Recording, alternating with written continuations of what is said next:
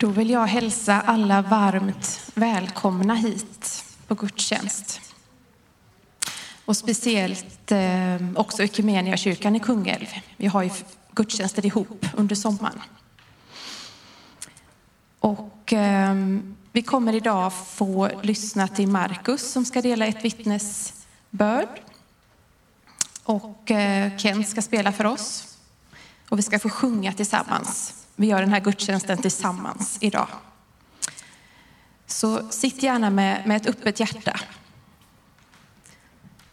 Eh, och eh, vi kommer inleda mötet här också med en parentation.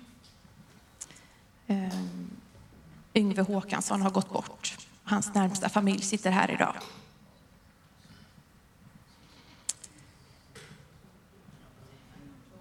Jag ska börja med att läsa en, en psalm, några verser. Och det är psalm 62.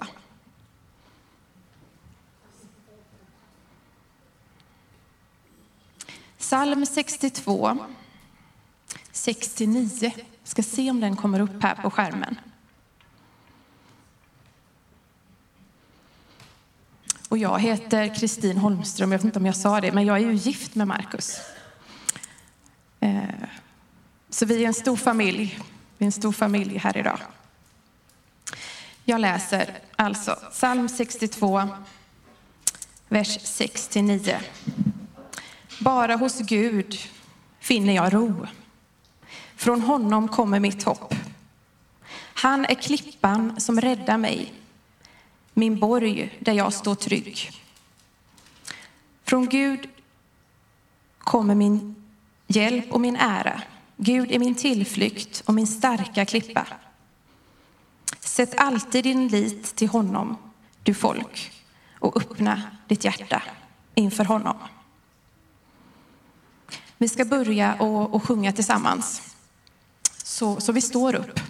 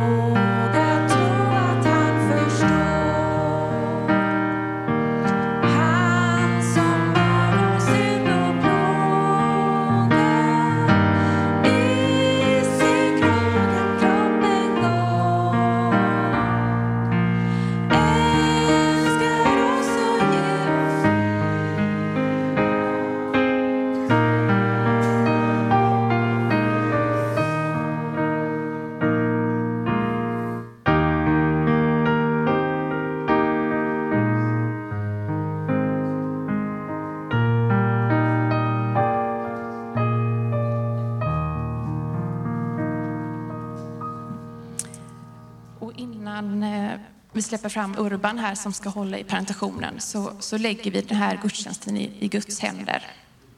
Så vi, vi ber en bön tillsammans. Kära Jesus, tack att du är med oss hela tiden. Tack att du hjälper oss och ger oss kraft. Tack att du har skapat oss. Tack att vi får samlas tillsammans här i Kungälv pingst. Som en stor familj i Kristus Jesus. Tack att vi har dig i våra hjärtan. Tack att du leder oss. Vi lägger den här gudstjänsten i dina händer Jesus. Tack att du, att du leder oss, att du har lagt på våra hjärtan det vi hoppas att du vill säga här idag Jesus. Vi ber för Kungälv som vi brukar göra. Vi ber för familjer här i samhället Jesus. Vi ber för äktenskap. Vi ber för Sverige. Tack att du har en stor kärlek. Amen.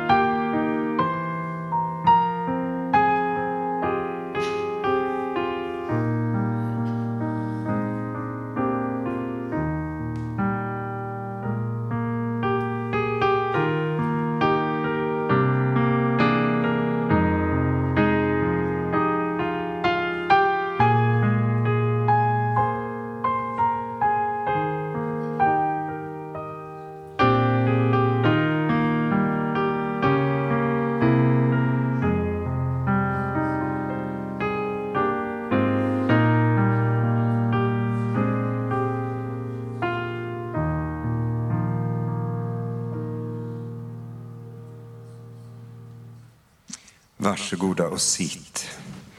Vi ska ställa oss när vi ber i slutet här också, men jag tror det går bra om vi sitter här nu.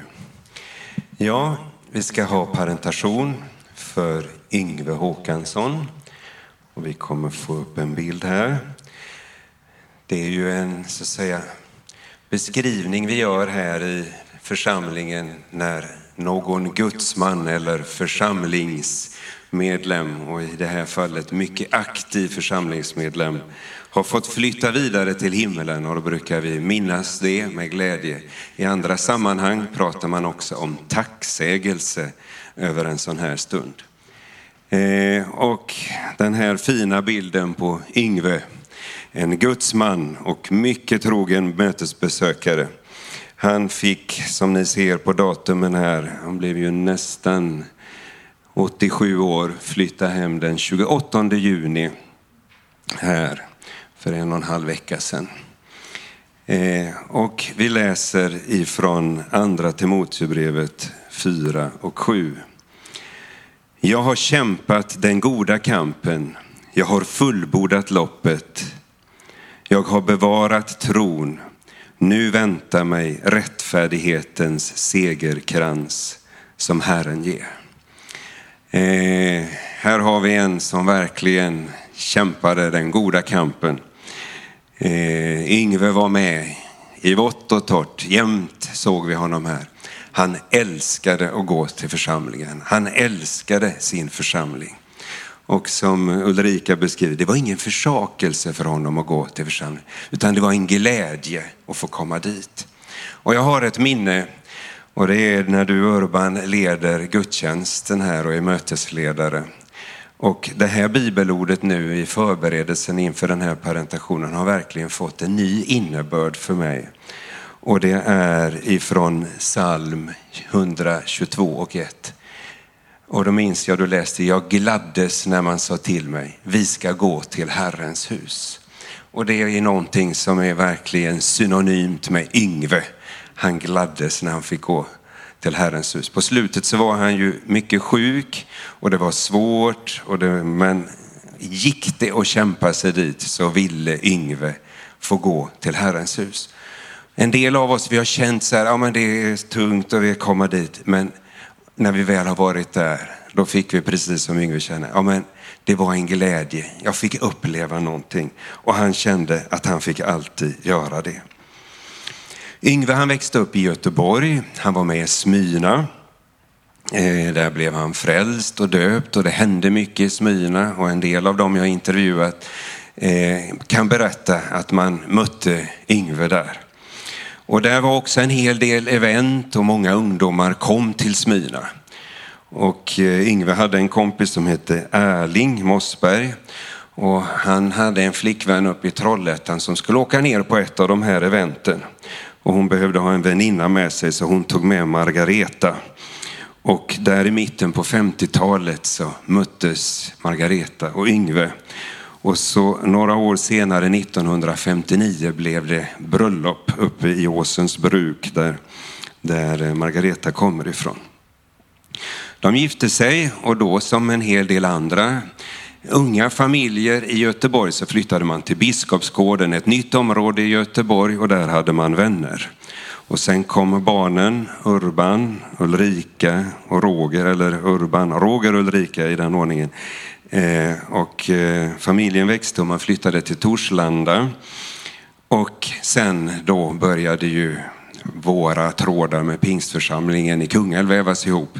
1973 flyttade familjen till Kungälv och man byggde hus i Ytterby. Och barnen kom med här i olika verksamheter. Det var en intensiv period här i församlingen. Jag har hittat bilder på dig Ulrika när du sitter med i, i eh, vad hette det då, bibeläventyret eller bibelträffen var det. Och det var minikören och eh, eh, församlingen under hösten. Vi var mycket i Toreskolan då, för vi byggde här. Och sen där i januari så anställde vi Christer Tyr och Carl Gustav Severin kom och det var liv och rörelse överallt. Och det var precis vad Yngve ville. Han älskade det här, en ny församling och det var sprudlande aktivitet och mycket hände. Och, eh, och eh, Yngve gick också med i många olika aktiviteter och jag vet inte ens om jag kan ge honom rättvisa för allt vad han var med men han började eh, som de flesta känner och det var inom att vara kassör.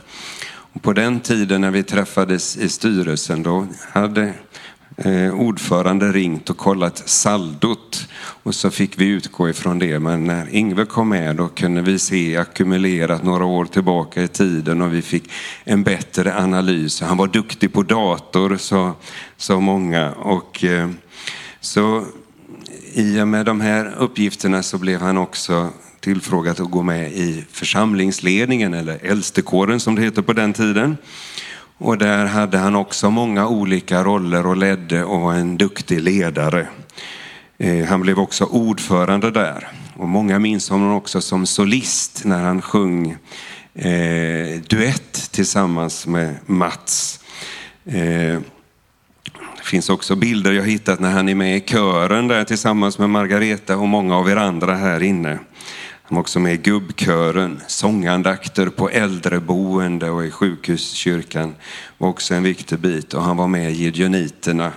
Och det finns mer att säga om det, men som ni hör, det här var en som gladdes när man sa till mig, vi ska gå till Herrens hus. Eh, och han har betytt oerhört mycket för församlingen här.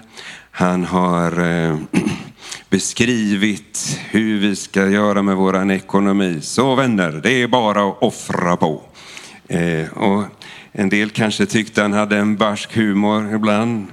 Och vi kunde höra då liksom, bröder, har ni övervägt nollalternativet? Eller någonting annat. Ja, vi som kände honom, vi, vi visste det med glimten i ögat. Så han älskade sin församling och många kände oss också älskade i hans närhet. Han blev mycket sjuk. Eller ja, inte, in, först så flyttade ni vidare till Grinden där 99 och sen till Trollhättevägen 215. Sjukdomen Parkinson gjorde ju att han hade mycket smärtor och därför så kan vi också se det här som en ljus högtid. Vi vet att han har fått flytta in i, i himmelen och nu får han varje dag glädas. Och vi vet att eh, eh, han också var det var två saker när jag har intervjuat här. Som, det var församlingen och familjen. Han var också en, eh, en mycket älskad familjefar. Det var min starka pappa. Han var vis. Han var generös. Urban hade ju sina band i, i Smyrna och behövde pendla en del. Det var inga problem att låna bilen. Det var viktigt att barnen fick en, en positiv bild av församlingen och att skapa möjligheter för barnen att vara där. Och det var också en trygg pappa. Eh, men, men det som kanske framför allt satte sina spår när jag förberedde det här, det var ingen försakelse att få komma till församlingen. Det var en glädje att få vara med i församlingen i Kungälv. Och trots sin sjukdom på slutet så såg vi hur han kämpade sig hit. Och jag vet eh, många gånger då, eh, och jag blev förvånad att han kämpade sig hit, men det var det här som var Yngves så att säga, livsfilosofi. Det var glädjen han hade här i församlingen. Det kommer att bli begravning för Yngve här i Pingstkyrkan torsdagen den 27 juli klockan 12. Och vi står upp så ska vi be. Så det är med mycket kärlek och mycket tacksamhet vi kan få lysa frid och tacksamhet över det ljusa och positiva minne av en man som kämpade den goda kampen, som fullbordade loppet och bevarade tron. Nu får han fira gudstjänst med rättfärdighetens segerkrans.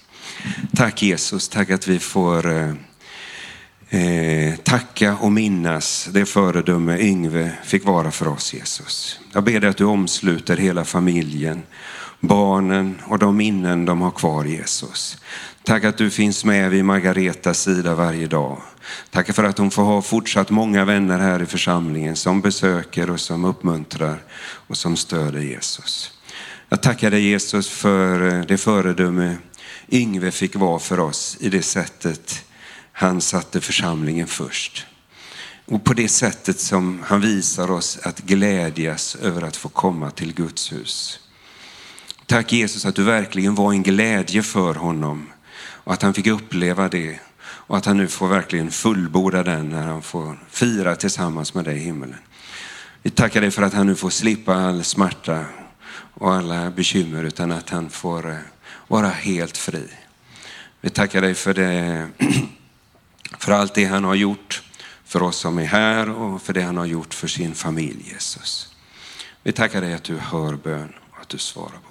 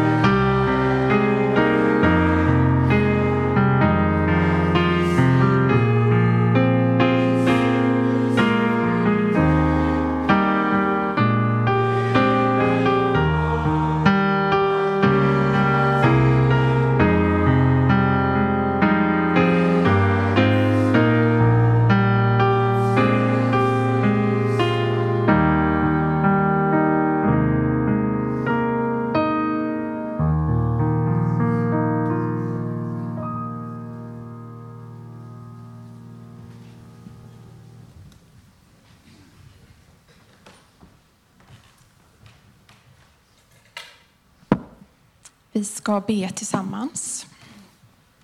Och jag, eh, jag frågar om det är så att det är någon som har några bönämnen som ni vill att vi tar upp här idag. Så känn, känn frimodighet. Så vill vi gärna hjälpa till att be.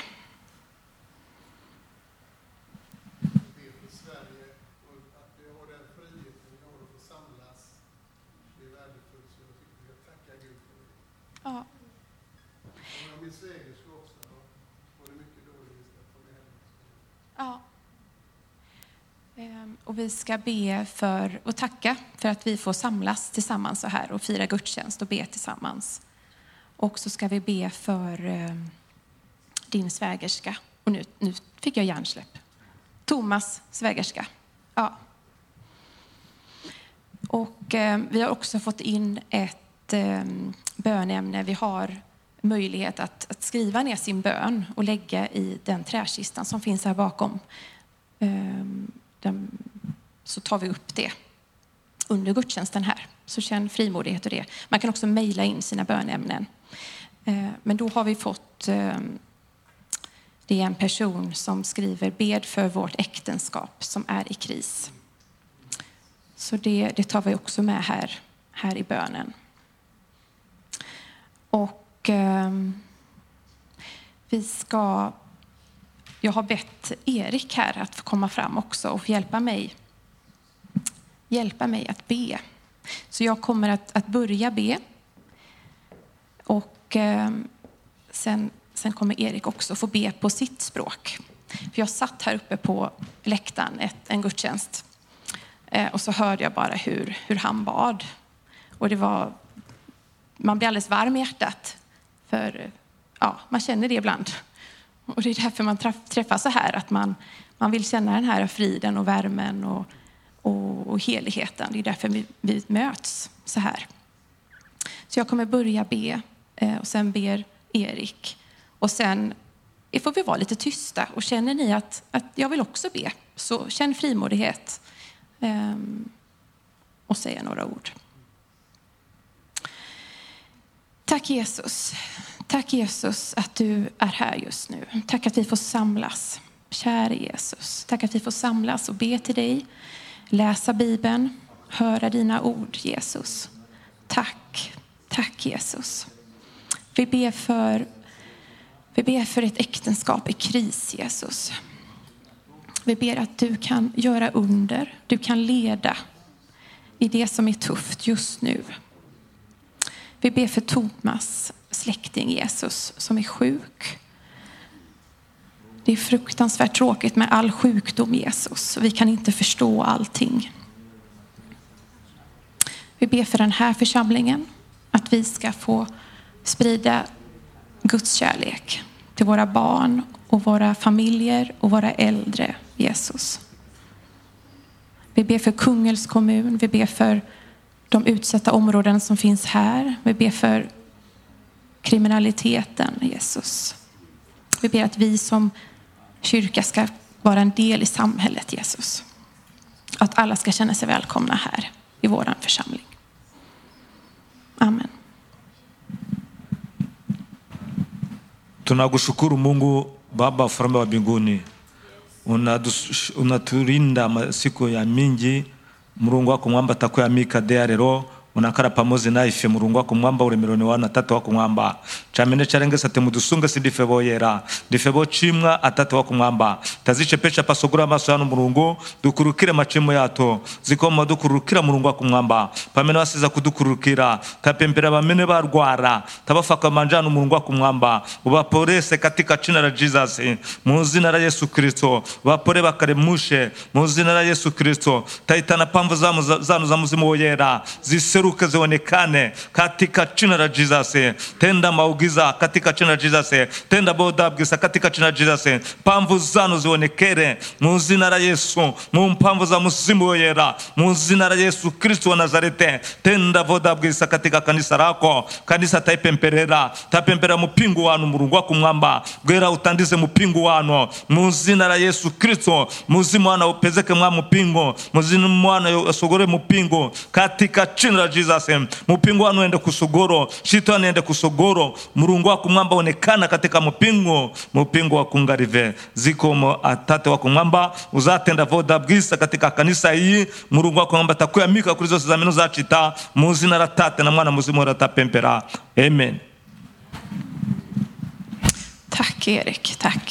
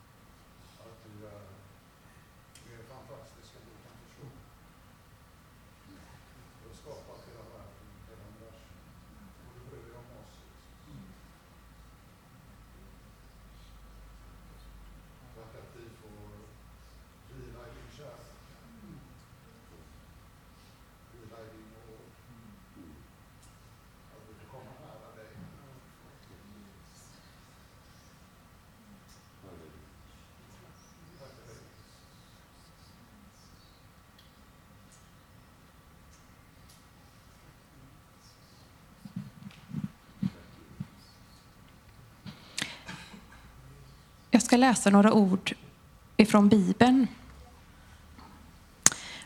Och det är Jesaja 40 och från vers 28. Herren är en evig Gud. Han har skapat hela jorden. Han blir inte trött, han mattas inte. Ingen pejlar djupet av hans vishet. Han ger den trötte kraft. Den svage får ny styrka. Unga män kan bli trötta och mattas, ynglingar snava och falla. Men de som litar till Herren får ny kraft. De får vingar som örnar. De springer utan att bli trötta och vandrar utan att mattas. Vi ska nu eh, få sjunga tillsammans. Och vi står upp och vi kommer ha en, en insamling eh, till församlingsverksamhet. Så vi kommer ha en kollekt. Och eh, ni som är från Equmeniakyrkan eh, ger ju era pengar till Equmeniakyrkan såklart. Eh, så vi sjunger tillsammans. Nu skrattar min man.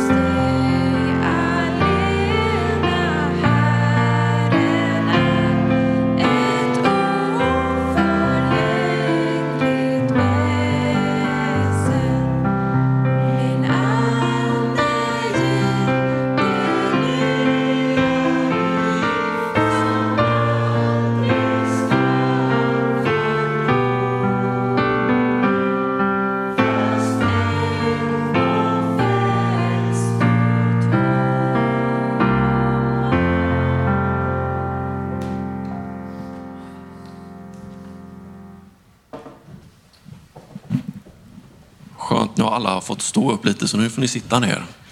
Annars tänkte jag skulle börjat med det att ni får stå upp, för oftast blir man ju lite seg när man sitter för länge. Eh, Marcus heter jag, eh, är uppvuxen i den här församlingen. Eh, bodde här fram tills jag var 19 år. Sen blev det bibelskola och hamnade i Borås. Och hittade min fru på andra sidan älven, fel sida av älven, men det blev väldigt bra. Och då hamnade vi i Älvängen och var med där, men har varit med här i församlingen nu i två och ett halvt år eh, och trivs jättebra. Det är en underbar församling och staden Kungälv ligger oss varmt om hjärtat. Ehm, det är alltid så här när man ska säga någonting så vill man ta en stund och verkligen hoppas att ni också har en, en öppenhet för vad Gud vill tala. Det är inte mina ord, utan jag hoppas att vi kan dela saker tillsammans i livet. Jag är ingen predikant eller liknande, utan jag vill bara dela någonting som ligger mig varmt om hjärtat.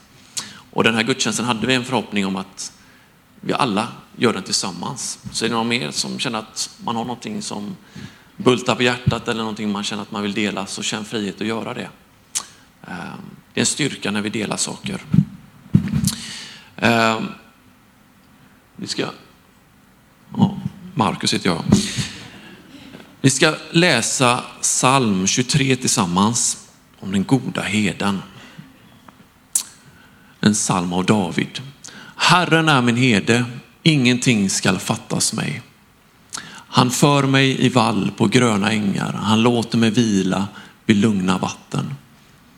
Han ger mig ny kraft och leder mig på rätta vägar, sitt namn till ära. Inte ens i den mörkaste dal fruktar jag något ont, ty du är med mig. Din käpp och din stav ger, gör mig trygg. Du dukar ett bord för mig i mina fienders åsyn. Du smörjer mitt huvud med olja och fyller min bägare till bredden.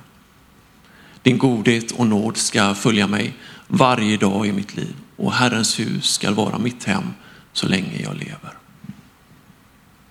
Vi kan väl be. Herre, tack för ditt ord. Tack för att det är det, det är det vi får läsa, vi får söka ditt ord och att vi får dela livet tillsammans här. Olika erfarenheter som vi gör Gud. Men tack för att du är densamme Gud. Du är klippan som vi står på. Och tack för att vi får komma till dig idag också. Nu ber jag att vi ska öppna hjärtan där vi får alla beröras av dig. För du är en personlig Gud och du talar till oss Herre. Tack för det. Amen. David är ju ganska skön tycker jag. Ehm, han är ganska rak på sak. Ja, han lär oss om det som är sant med mörkret. Även det som är jobbigt i livet. När vi är i dödsskuggans dal eller när vi är på de gröna ängarna. Ehm, vi var på Nyhem nu. Där vi fick göra, tycker jag, en fantastisk undervisning. Jag vet inte hur många var på Nyhem? Härligt. Var det några som hörde Kristin Wiklund som är omsorgsansvarig på pingst? Ingen? Jo, någon. Och hon talade just om det här livet, att man går på livets väg. Hur saker och ting händer på livets väg. Det drabbar oss alla. Det blir dödsfall eller sjukdom eller saker som vi inte, man undrar varför händer det? Och jag tror alla som sitter här i rummet har varit med om sådana saker där man undrar varför händer det? Och är man i ena kanten som de skriver, den mörka dalen, dödsskuggans dal som det står i vissa översättningar. Det är tungt att vara där. Men det är som David skriver också att din käpp och din stav, det tröstar mig. Att vi har någonting vi kan sätta målet mot blicken. Att vända det. Och det var det som jag fick till mig idag, att ha ett perspektiv. Att Gud hjälper oss att ha perspektiv. Um, för hela mitt liv i alla fall har jag alltid känt att Jesus är klippan. Mycket kan vackla runt omkring, men Jesus är densamma igår, idag och evighet. Ehm, och när saker och ting blir oroligt, saker och ting händer, så vet vi i alla fall att Jesus är densamma. Han förändras aldrig. Eh, för en och en halv vecka sedan så var jag med om en sån här grej som jag kände, ja, det här var, då kände jag mig mer åt den här negativa sidan. Eh, jag skulle göra ett ryggmärgsprov. Och läkaren sa till mig innan, de skulle tumma på vätskan för de skulle ha fram en liten analys. Och eh, så säger han, ja, 5% kan få väldigt jobbig huvudvärk. Ja, ja, tänkte jag, vi kör. Har han sagt att vi ska göra det så gör vi det. Och eh, vi är där, han gjorde det här, gick väldigt smidigt allting. Eh, han sa, du måste ligga en timme efteråt innan du får lämna sjukhuset. Så jag låg en timme. Men mådde ändå bra så jag åkte tillbaka till jobbet, packade ordrar och mycket saker som skulle iväg. Eh, och sen på eftermiddagen skulle jag vidare, vi skulle skriva ett kontrakt med en annan verksamhet jag håller på med. Och då känner jag att nu kommer huvudvärken. Och eh, mitt i det här mötet så känner jag att äh, jag får be om ursäkt så jag måste bara gå på toaletten. Gå på toaletten, spyr, kommer tillbaka och säger vi, vi är färdiga nu. vi är överens om allting, kan vi bara signera? Och försökte bara ta mig hem. Och sen låg jag i den här huvudvärken. Jag har aldrig upplevt sån smärta i hela mitt liv. Eh, och ingen kraft i kroppen. Och man ligger där och då är man inte så kaxig. Man tycker inte livet är på topp. Eh, man känner att, ah, kan det vara så här? Det sköna för mig var att det enda jag orkade göra var att bara säga Jesus, Jesus, Jesus. Och även om jag hade huvudvärk fortfarande så var det skönt att få säga det där ordet, Jesus. Eh, och jag kände liksom, nej, är det så här det ska vara? Och jag tyckte väldigt synd om mig själv ska jag säga. Jag tyckte jag hade det väldigt, väldigt svårt. Jag orkade gå på toaletten innan det bara sprängde och sen sprang jag tillbaka och la mig igen. Mitt i detta så ringer,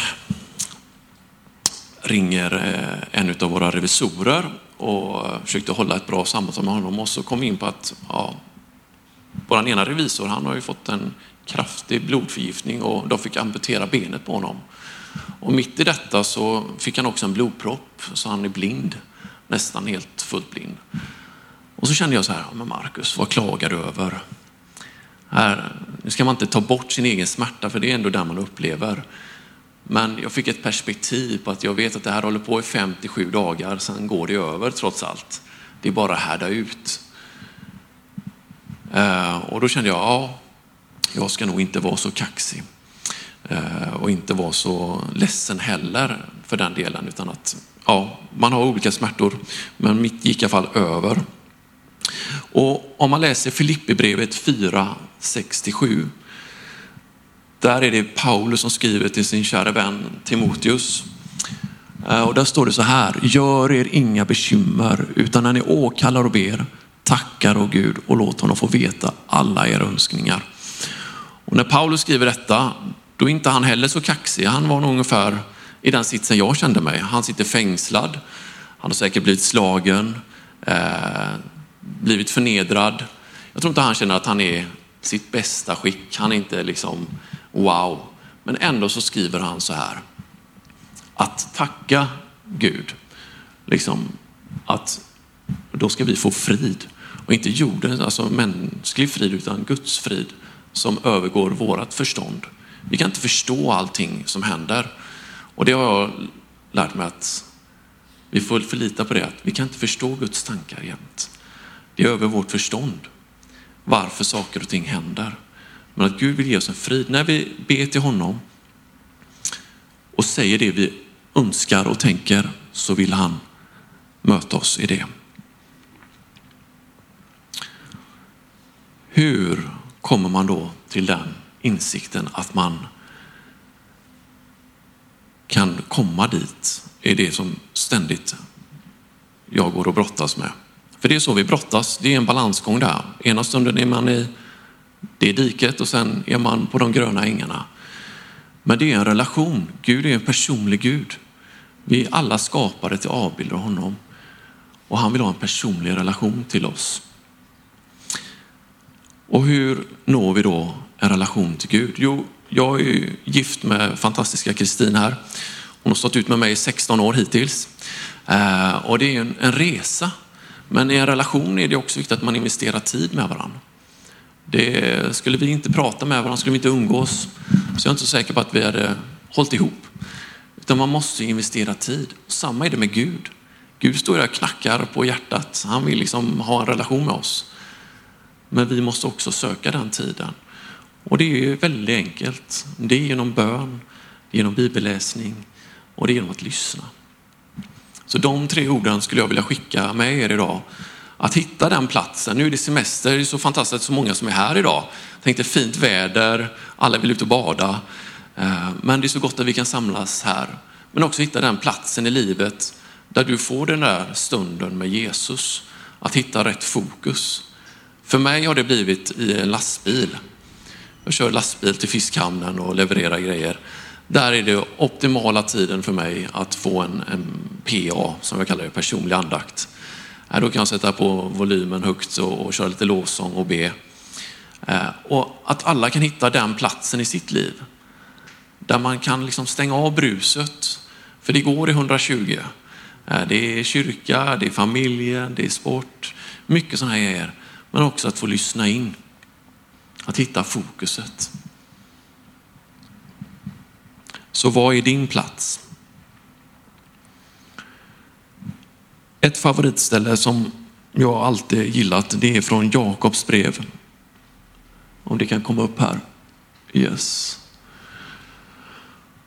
Som jag alltid burit med mig. Jag upplever ibland att vi sätter sådana krav på oss. det är därför jag utmanar mig själv och vill stå här. För om vi kan bjuda på varandras erfarenheter och misstag och framgångar, allting, så tror jag att det blir en lägre tröskel för människor att känna sig hemma i våra församlingar, att möta Gud. Jag tror många upplever att det är en ganska hög tröskel att komma in i kyrkan, men jag skulle uppleva att tvärtom, för Gud är en personlig Gud. Han ser till våra hjärtan, våra behov. Ehm, och Jakobs brev talar så gott tycker jag om det här. Vi ska läsa det upp. Mina bröder, vad hjälper det om någon säger sig ha tro men inte har gärningar? Inte kan väl den tron hjälpa honom, eller rädda honom?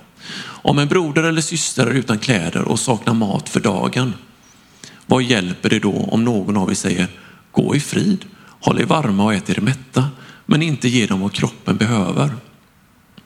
Så är det också med tron i sig själv utan gärningar är den död. Nu kanske någon frågar, har du tro? Ja, och jag har gärningar. Visa mig din tro utan gärningar så ska jag med mina gärningar visa mig min tro.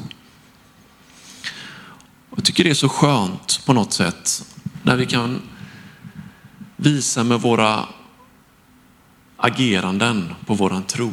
Det behöver inte vara så märkvärdigt. Det kan vara att säga ett uppmuntrande ord, att se någon människa runt omkring sig. Och också vara öppen för att Gud kanske talar genom er. Det var någon som sa till mig någon gång att du kanske är den enda bibeln som dina vänner någonsin kommer läsa. Eh, utan att kanske ge dem en fysisk bibel, genom ditt sätt att vara, eh, så är du skillnad i den omgivning du är. Gud har satt dig där du är av ett syfte. Och att förlita dig på det. Det står även i Filipperbrevet 2, 13-15. Ty det är Gud som verkar i er så att både i vilja och gärningar förverkliga hans syfte. Gör allt utan knot och utan förbehåll så att ni blir oförvittliga och rena Guds fläckfria barn mitt i ett ont och fördärvat släkte där ni lyser som stjärnor på himlen. Det jag tycker är fräckt med stjärnor är att de lyser hela tiden men vi ser dem bara när det är mörkt. Eh, och så är det i den här perioden när vi kanske rör oss i den här negativa delen, när vi känner att det är tungt, när det är jobbigt, det är då vi kan få lysa som starkast. Eh, och det är väl ett hopp jag vill skicka med er idag, att vara trofasta, att stå på klippan, för det håller. Även, det är en rörig tid vi lever i, men vi har haft en pandemi och sen direkt efter pandemin kom ju kriget i Ukraina elpriser. Nu är det liksom inflation och det är lågkonjunktur. Det är väldigt rörigt runt omkring oss. Som vi upplever som privatpersoner. det är tungt. Många människor känner att det kanske är orolig tid. Men i den oroliga tiden har vi ett hopp och vi har en, en klippa att stå på som aldrig förändras. Att vi får ta med oss det.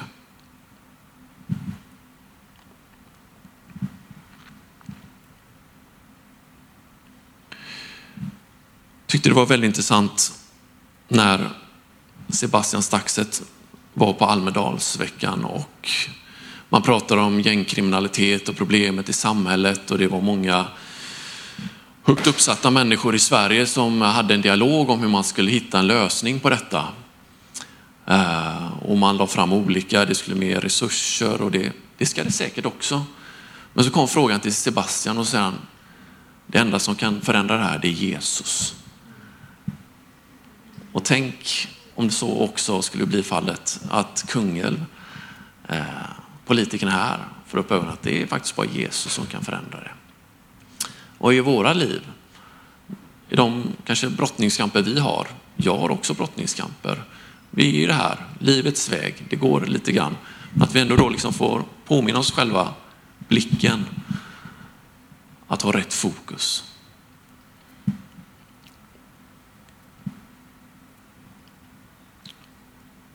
När jag studerade efter bibelskolan i Borås så hade jag, man hade gått bibelskolan, man var väldigt on fire och man kände att man hade mycket. Och vi, vi var ett gäng grabbar som studerade mycket tillsammans och vi pratade väldigt mycket tro, kyrka.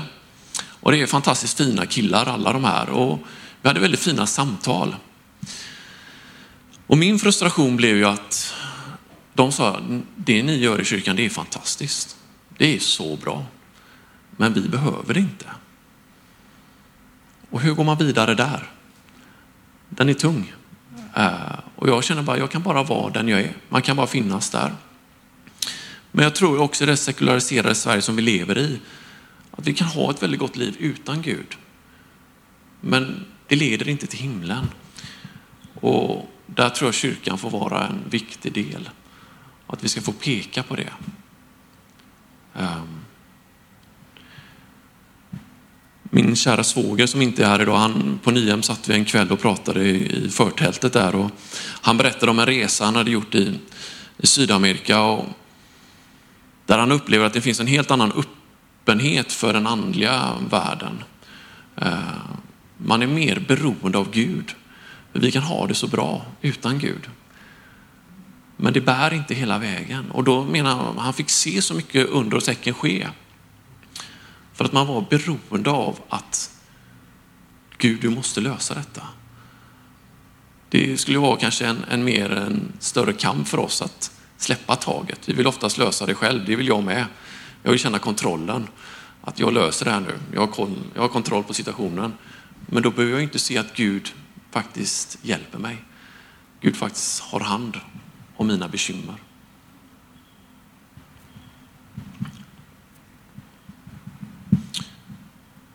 För Gud vill ha en relation med oss. Och utmaningen denna sommaren, kanske för er alla som är här, om ni är gammal eller ung, hitta den där platsen. För det här är en kyrka, det är en byggnad, men Gud är inte någon byggnad utan han är ju i dig och mig. Det är vi som gör församlingen. Och vi är alla värdefulla och vi delar många erfarenheter. Alla. Så tillsammans kan vi dela det, tror jag vi kan lyfta varandra till en helt annan Guds närvaro.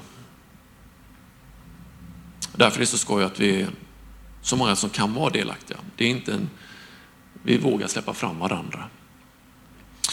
Hörrni, nu har jag pratat länge nog, men vi avslutar med en bön. Och sen så skulle jag vilja att om det är så att någon vill säga något mer eller bara be, så när Kent kör några lovsånger så kan vi ha lite tystnad också. Det kommer finnas möjlighet till förbön, men det är en styrka när vi ber för varandra. Eh, och så behåller vi stillheten här en stund. Och vill man inte säga något eller någonting så bara ta din tid med Gud. Eh, tacka Gud för det som är bra i livet. Men säg också rakt ut till Gud det som inte är bra. Det är precis det jag har läst. David säger det. Paulus skriver om det. Bibeln talar om det. att Nämn det som ligger på era bördor på era hjärtan. Ja, Herre, tack för att vi får komma till dig Gud. Precis i den situation vi är i. Och precis som David skriver så, även om vi är i dödsskuggans dal eller de gröna ängarna så är du med oss på livets väg Herre. Och det kan vara stökigt, det kan vara jobbigt Herre, men du är ändå klippan som vi får stå fasta på Herre. Tack för att ditt ord bär oss Herre. Och tack för att du gav oss den heliga Ande som hjälparen i våra liv för att orka hålla pejlen, Gud, Herre. Att orka hålla fokus på det som är rätt, Herre.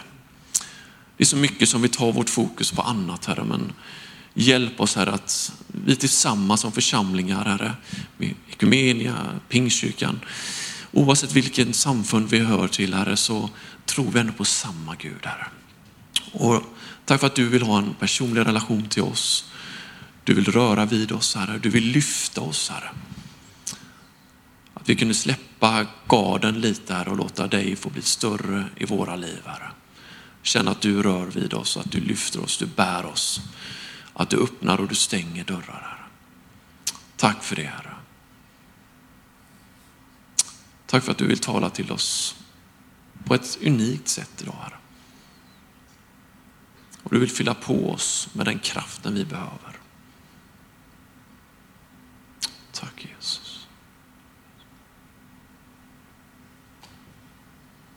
Tack Jesus. Jag ber för Kungälv här. Jag ber att Kungälv skulle få en, en större längtan efter dig Gud Herre. Att vi som församlingar skulle få påverka politiker, företag, ännu mer här. Att vi skulle få det på våra hjärtan här. Att, jag ber att kyrkan skulle få bli en större del av vårt samhälle Gud. Tack för kontakten, tack för second hand, tack för så många saker som är så bra Gud, där vi får möta människor som ännu inte känner dig Herre. Men tack för att du vill öppna upp ännu fler dörrar. Tack för de nya pastorer som ska börja här. Jag ber att det skulle få bli en, en bra ingång för dem också Herre. Att få möta politiker och tjänstemän Herre, där kyrkan kan få spela roll. Jag ber om det Herre. Tack för att du älskar varje människa i den här stan och i hela vårt land, i världen Gud. Tack för att du har koll på varenda människa.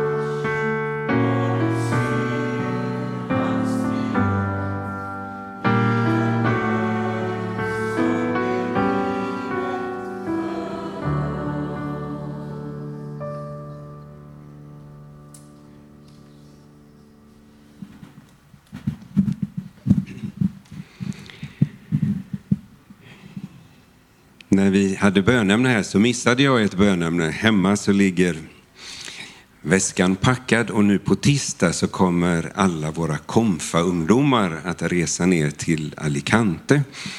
Där har norska eh, missionen en bibelskola och vi kommer bo på den och det kommer vara fullt med aktiviteter varje dag. Det är utflykter till olika hjälparbeten och till intressanta områden och vi kommer även nästa söndag fira gudstjänst med församlingen där och vi kommer även besöka församlingsmedlemmar.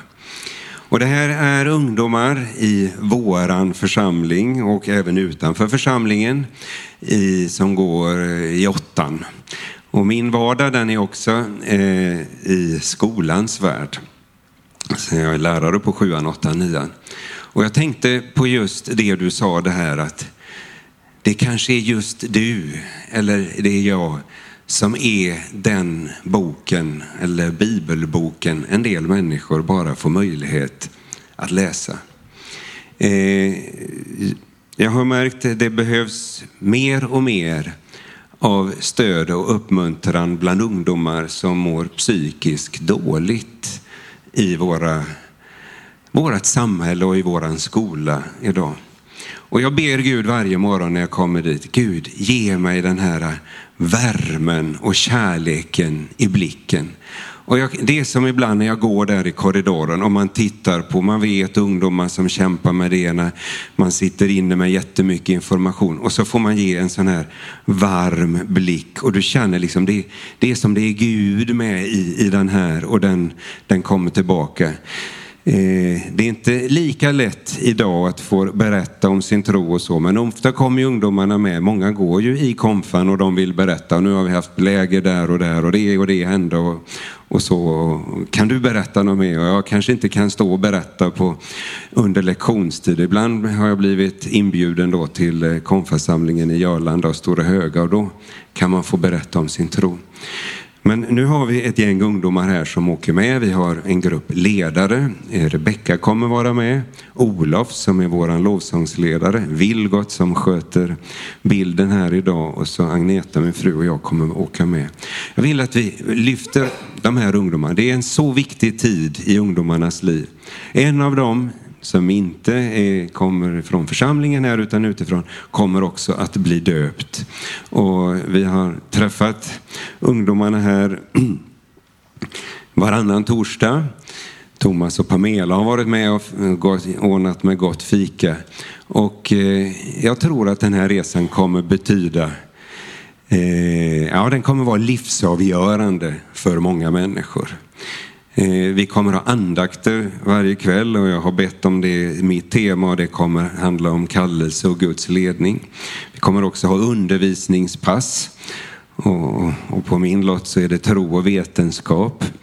Och när jag växte upp i, i skolan då så tyckte jag det var viktigt och, och man skulle liksom bevisa för att det, det är sant och, och, det är så här. Och jag, ja, jag kunde vinna diskussioner om skapelseteori kontra evolutionsteori och så vidare. Jag kunde vinna det. Men vann jag några människor? Nej. Det är det vittnesbördet. Det du kanske inte ens kan säga i vissa sammanhang i vårt samhälle idag för att i liberala Sverige så är det så trångt så vi knappt kan få uttrycka det vi känner. Men ditt liv, det får tala. Ditt liv säger mycket mer och jag upplevde det redan då, både på gymnasiet och senare i högskolan, att det talar mycket mer, även om vi har vunnit en, en, en debatt om vad som är sant eller fel emot olika teorier eh, vi kan ha i samhället.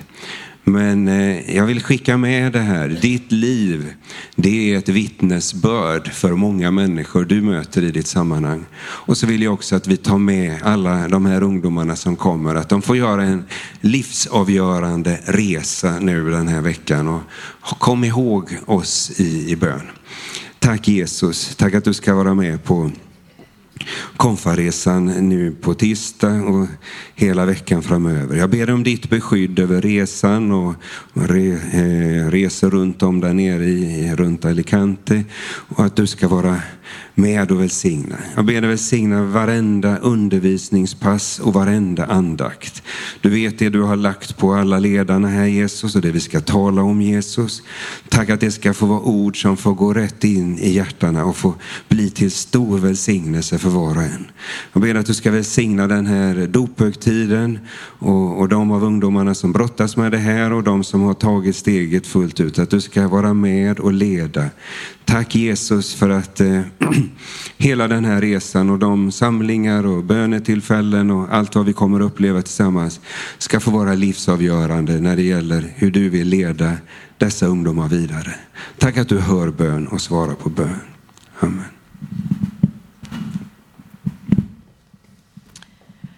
Vi kommer sjunga två stycken sånger tillsammans och jag skulle vilja att vi, vi står upp och eh, Urban kommer att ställa sig längst ner i salen här. Så vill du ha förbön så känn er varmt välkomna ner till honom där. Och är du bekväm med att fråga din granne, kan du be för mig? Så gör det.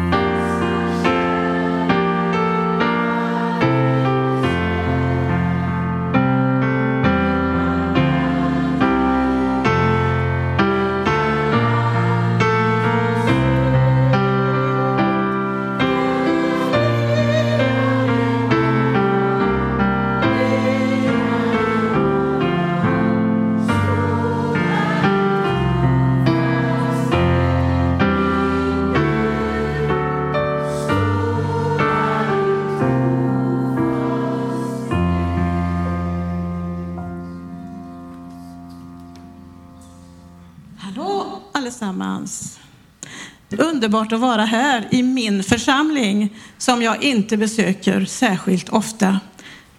Ja, varsågoda och sitt ner. Jo, på tal om vad Markus sa, att tro utan gärningar är död, eller det kanske inte var du som sa det, men det, var, det står i ordet i alla fall. Och, och vi kanske är lite bundna av att, ja, att vi borde göra mera. Men i morse jag är morgontrött, då väckte Gud mig klockan sju. Och jag var inte hemma, jag var hos min gamla underbara mamma. Och hon har fyllt ganska många år faktiskt. För jag är ju ganska gammal jag också. Så hon är hundra år. Det tycker jag är värt en applåd faktiskt. Hon är här idag. Det var inte det jag skulle säga, utan det var det där, det där, den där signalen på dörren som väckte, alltså Gud väckte mig och jag gick ner en trappa, så, så ringer det någon där på dörren och jag hoppar ut och då står det en kille där som vill ha hjälp för han har fått stopp på sin moped, han har bensinbrist. Jaha, tänkte jag. Mm, har du någon gräsklippare som eh, du använder? Nej, jag använder elektrisk gräsklippare och jag är inte hemma. Nej, men, ja, men du kan nog gå till grannen. De är nog ganska morgonpigga. Ja, eller, nej men du, var är närmsta bensinmack? Jo, men den är bara en kilometer bort. Okej. Okay. Men då så tar jag min bil och så skjutsar jag dig ner och så, hem, så har du din bensintank och så ordnar det sig. Och just då så tog jag bilen, så tog jag mitt kort, kort. Jag har inga pengar. Nej, men det löser vi. Jag fixar det. Men det kostar inte så mycket. Så det var ingen stor uppoffring förstås. Så det här är ju bara en liten grej. Men jag tycker det är så roligt det du berättar. Att vi ska, i vardagen, det, alltså i sitta i kyrkan, det kan vi göra. Vi längtar till kyrkan. Men i vardagen känner jag att vara ett vittne i vardagen. Jo, men då skulle jag säga att just precis då när jag satte mig i bilen, då sjöng Samuel Ljungblad I believe. Passar jättebra. Så då frågar jag, men du, du kanske tror? Ja, jag tror på en högre makt. Men du tror inte på Gud då? Nej, jag tror på en högre makt. Okej. Okay. Då, då åkte vi ner och så tankade vi och så åkte vi tillbaka till hans moped och han var jätteglad och sa att jag var en ängel. Det tycker jag var väldigt härligt att höra. Och nu önskar jag dig Guds välsignelse. Ja, men jag önskar dig Guds välsignelse också, sa han som inte trodde. Och kanske att han fick en tro genom det lilla, lilla, jättelilla jag gjorde. Och därför tycker jag att det var så härligt med paret här. Så jag önskar er verkligen en underbar sommar och Guds välsignelse till hela församlingen. Det är faktiskt min församling som jag inte besöker för jag bor på annan ort just nu. Tack! Stort tack. Stort tack.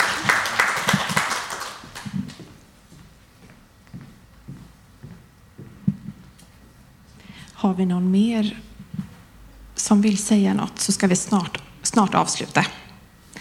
Vill du säga något kort? Och det är första gången du är här idag. Hej! Eh, mitt namn är Sara och det är första gången. Eh, jag, jag har varit här en gång i bön. Eh, minns inte, för, det går så snabbt. Jag tror det var förra veckan, tisdags. Eh, var jag. Och det var så fantastiskt att komma hit. Så fin församling tycker jag. Men det var inte det jag skulle komma till. Eh, jag har tre syskon, tre bröder och alla de är yngst. Och jag hade en bror som är ett år och åtta månader skillnad, alltså åldersskillnad. Och vi bråkade konstant. Vi bråkade, vi nästan hat, syskonhat kan man säga. Och, och det var mycket så här, jag klippte av hans hår. Jag till och med bad mamma att sälja honom. För att det låter jätte... Det är ett sånt...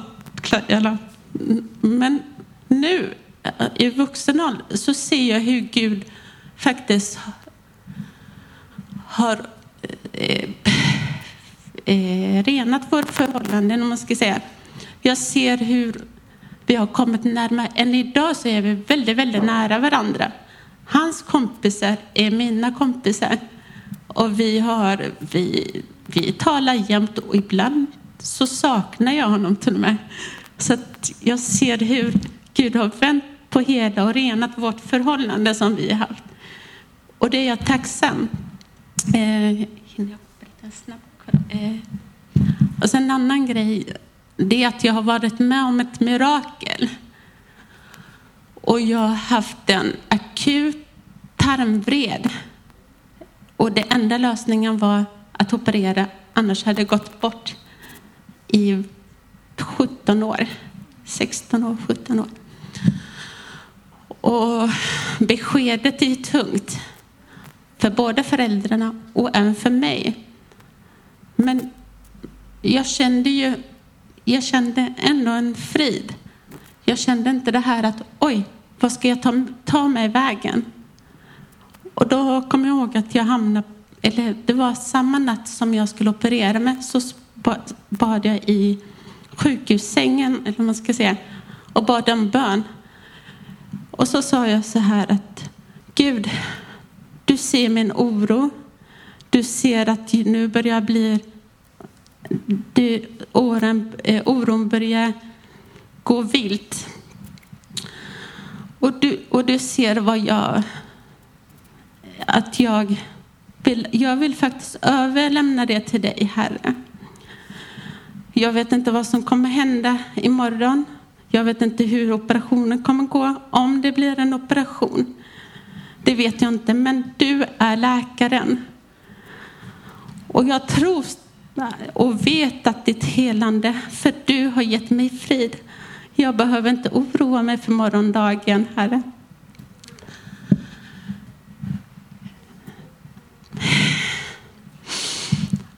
Och sen, man brukar ha en sån där eh, röntgen, eller för att se eh, jag har inte koll, men de som jobbar inom vård så, så ser man vart det ligger, om det har blivit värre eller inte. Men sen blev läkaren chockad. Den hade blivit återställd. Och det var ingen operation. Jag slapp den här operationen. Och när jag vaknar, man blir lite så här. Efter när man har vaknat upp. De vill, de, för jag är väldigt smärtkänslig och jag tycker inte om att se undersökningar och sånt. Och så vaknar jag upp av bedövningen. Och så säger läkaren till mig inför mina föräldrar. Det här är helt... Det går inte att beskriva hur du blev läkt. Och då sa jag, jo men jag har en, en Gud som är trofast. Jag har en Gud som har läkt. Det är han som har, man ska tacka till. Det är han jag har tackat. Att jag lever än idag. Han vill att jag ska leva. Han vill att jag ska komma tillbaka av en syfte. Och vi är här av ett syfte. Så jag, varje gång jag nämner detta så påminns det om hur tacksam man borde eller att man tack, det här att vara tacksam.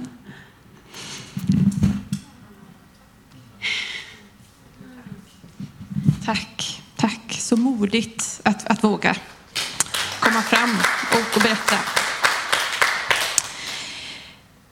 Och eh, vi ska behålla stillheten här i rummet. Men jag ska samtidigt försöka avsluta mötet. Eh, och eh, Urban finns ju kvar här och, och vi finns också kvar här om, om man vill komma fram till oss och, och prata eller så. Jag vill också passa på att pålysa eh, vad som händer framöver. Och så ska vi avsluta med att, med att sjunga en, en pampig segerton till varandra, eh, till varandra, tillsammans. Eh, men jag vill ändå nämna för alla att vi har en alfakurs som drar igång i augusti. Och information finns på hemsidan, eller kommer komma upp på hemsidan, vem man kontaktar. Jag tror man mejlar pastor eh, snabelapingst.se. Mm. Sen har vi eh, församlingsläger 6 till 8 oktober på Järnholmen. Eh, och nästa söndag så är det gudstjänst i Equmeniakyrkan som börjar klockan 10.30. Och söndagen därpå så är det gudstjänst igen här klockan 11 den 23 juli då Ruben Gonzales predikar. Eh, och bönen här i församlingen fortsätter hela sommaren. Så man är välkommen hit eh, att be tisdagar klockan 11 och onsdagar klockan 19.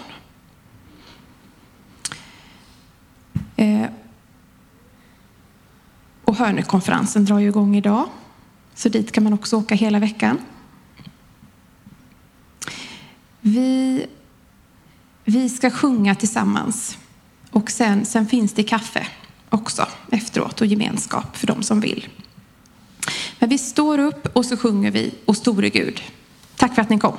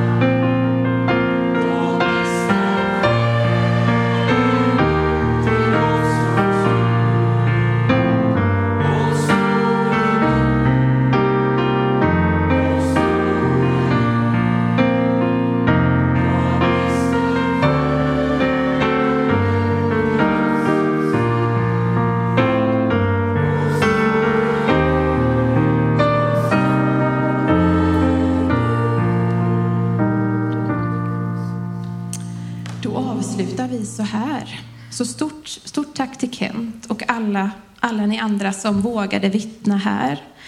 Eh, min man som sa jag ska absolut inte predika, det blir bara ett kort vittnesbörd. Och så drog han värsta predikan.